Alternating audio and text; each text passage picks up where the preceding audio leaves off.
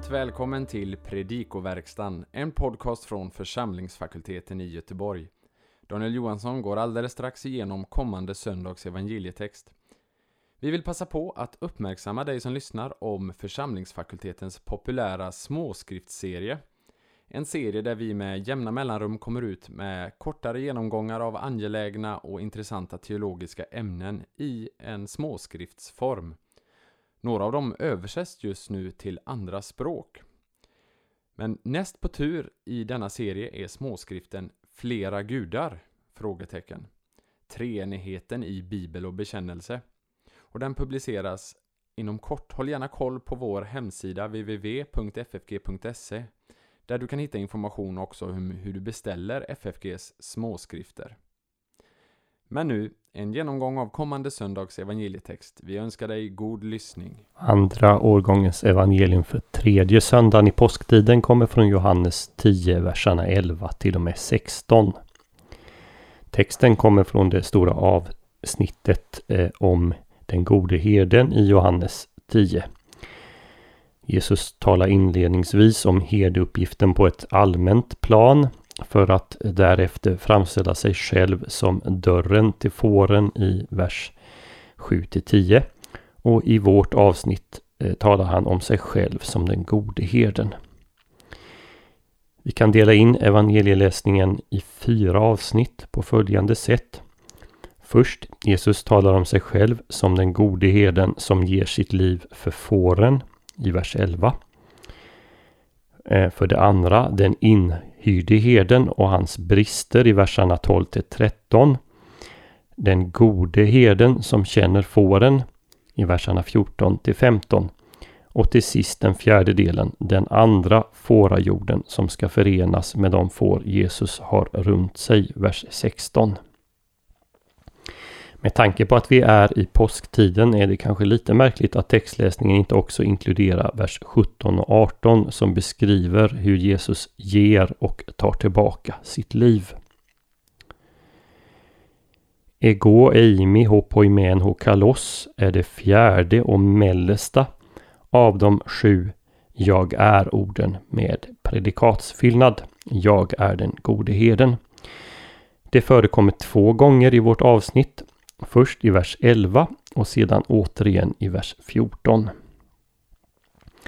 Här kan vi notera att Jesus tidigare i Johannes evangeliet har framställt det goda vinet i 2.10. Han har framställt eh, sitt kött och blod som sann mat och dryck i 6.55. Och lite senare kommer han tala om sig själv som det sanna vinträdet. Och här är han den gode herden. Bilden har sin givna bakgrund i Gamla Testamentet där både jordiska regenter och Israels Gud beskrivs som herdar. Det finns ett intressant mönster i den här bildanvändningen i Gamla Testamentet. När bilden används för kungar eller ledare dominerar en styrelseaspekt medan när den används om Gud är det bilden av en herde som har omsorg om och samlar ihop sin skingrade flock. I Johannes 10 är det därmed en aspekt på herdebilden som i Gamla Testamentet har med Gud att göra, som är framträdande. Så mot denna gammaltestamentliga bakgrund framträder Jesus här snarast som den gudomlige herden snarare än den konungslige. Och ska man leta efter ett primärt gammaltestamentligt ställe som bakgrund till Johannes 10 så är det i Hesekiel 34 som eh, både framställer Gud som den gode omsorgsfulle herden i kontrast till folkets dåliga herdar och också eh, han som ska samla ihop de skingrade fåren. Den gode herden är beredd att offra sig själv för fåren. Tem psychen auto tithesin hyper ton probaton är offerspråk.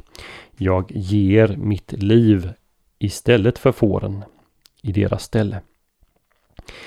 Eh, poängen är här nog inte i första hand att Jesus ska offra sig för sina får på korset utan att han som den gode herden är beredd att riskera sitt liv för fåren i kontrast till den inhyrde herden som beskrivs i följande verser och som sätter sitt eget liv i första hand.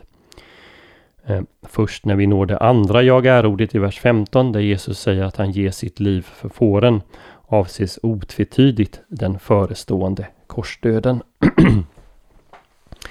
den inhyrde herden beskrivs på följande sätt. Ho misthotos kai ok on poimen ho ok estin ta probata idia. Den inhyrde eller avlönande och inte varande herde vars får inte är hans egna om vi översätter det ordagrant. vi kan titta lite närmare på uttrycket kaj, ok on poimen. Eh, negationen med används i regel alltid för att negera particip. Här använder eh, Johannes istället o. Och det är det enda stället där negationen o används istället för med när det följs av particip som är fallet här. Eh, I strikt mening eh, beskrivs den här andre inte som en herde utan som inhyrd, som avlönad. Den som är herde är den som är ägare till fåren.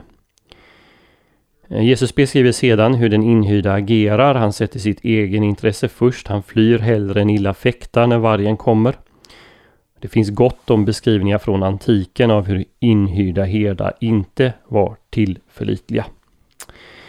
Andra Mosebok 22.13 stipulerade visserligen att en inhyrd herde inte behövde ersätta ett eh, ihjälrivet djur.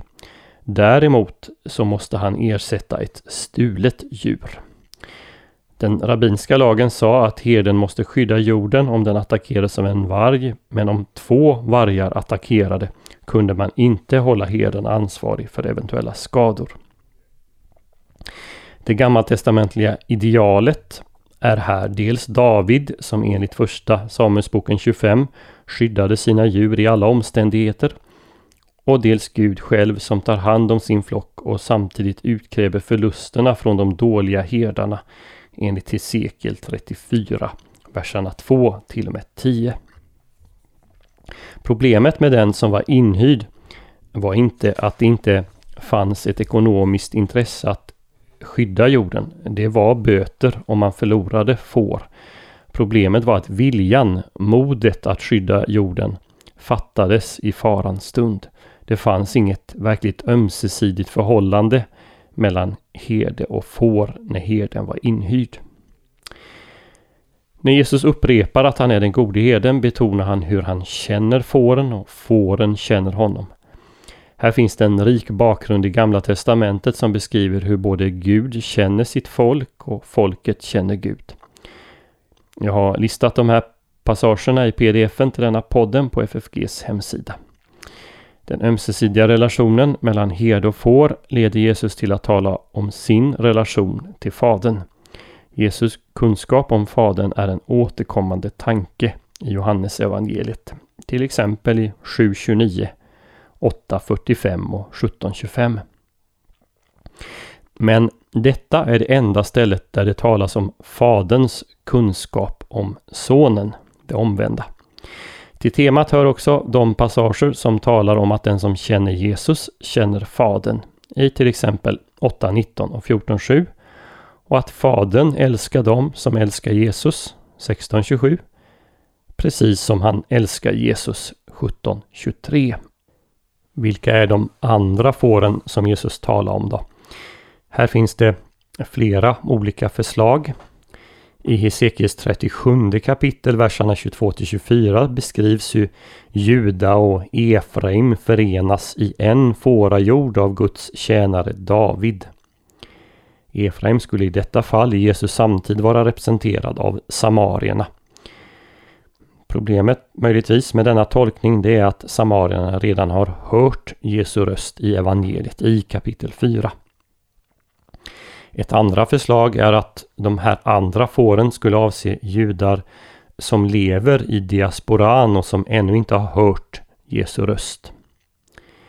Ett tredje, och det är den vanligaste tolkningen, det är att de andra fåren avser hedningarna hedna kristna som genom apostlarnas förkunnelse skulle komma till tro på Jesus. Vill vi finna en möjlig gammaltestamentlig bakgrund till det eh, så finns en sådan i till exempel Jesaja 56, verserna 6 till 8. Sen är det säkert också så att vers 16 anspelar på, pekar tillbaka på Jesu dialog med den samariska kvinnan vid Sykars brunn. Där Jesus sa att medlemskap i Guds folk inte kommer att vara begränsat till ett visst folk utan omfatta alla som tillber Fadern i ande och sanning. 4.23-24. Till sist kan vi notera den roll som apostlarna här tillskrivs. Det är genom dem som de andra fåren kommer att få höra Jesu egen röst. Det är alltså samma grupp som Jesus ber för i sin översteprästliga förbön när han i 17.20 säger Men inte bara för dem ber jag, det vill säga apostlarna som är samlade runt honom, utan också för dem som genom deras ord kommer att tro på mig. Så hoppas vi att denna genomgång får bli till hjälp och välsignelse för dig som har lyssnat. På vår hemsida www.ffg.se kan du hitta information om hur du kan stödja fakultetens arbete, bland annat som genom den här podcasten. Ett sätt att stödja är att skänka en gåva genom Swish. Församlingsfakultetens Swish-nummer är 123 100 8457. Alltså 123 100 8457. Mottagaren som anges är Peter Isak Bens utbildningsstiftelse. Märk gärna gåvan FFG Podcast om du vill stötta just denna podden. Så önskar vi dig allt gott och Guds välsignelse.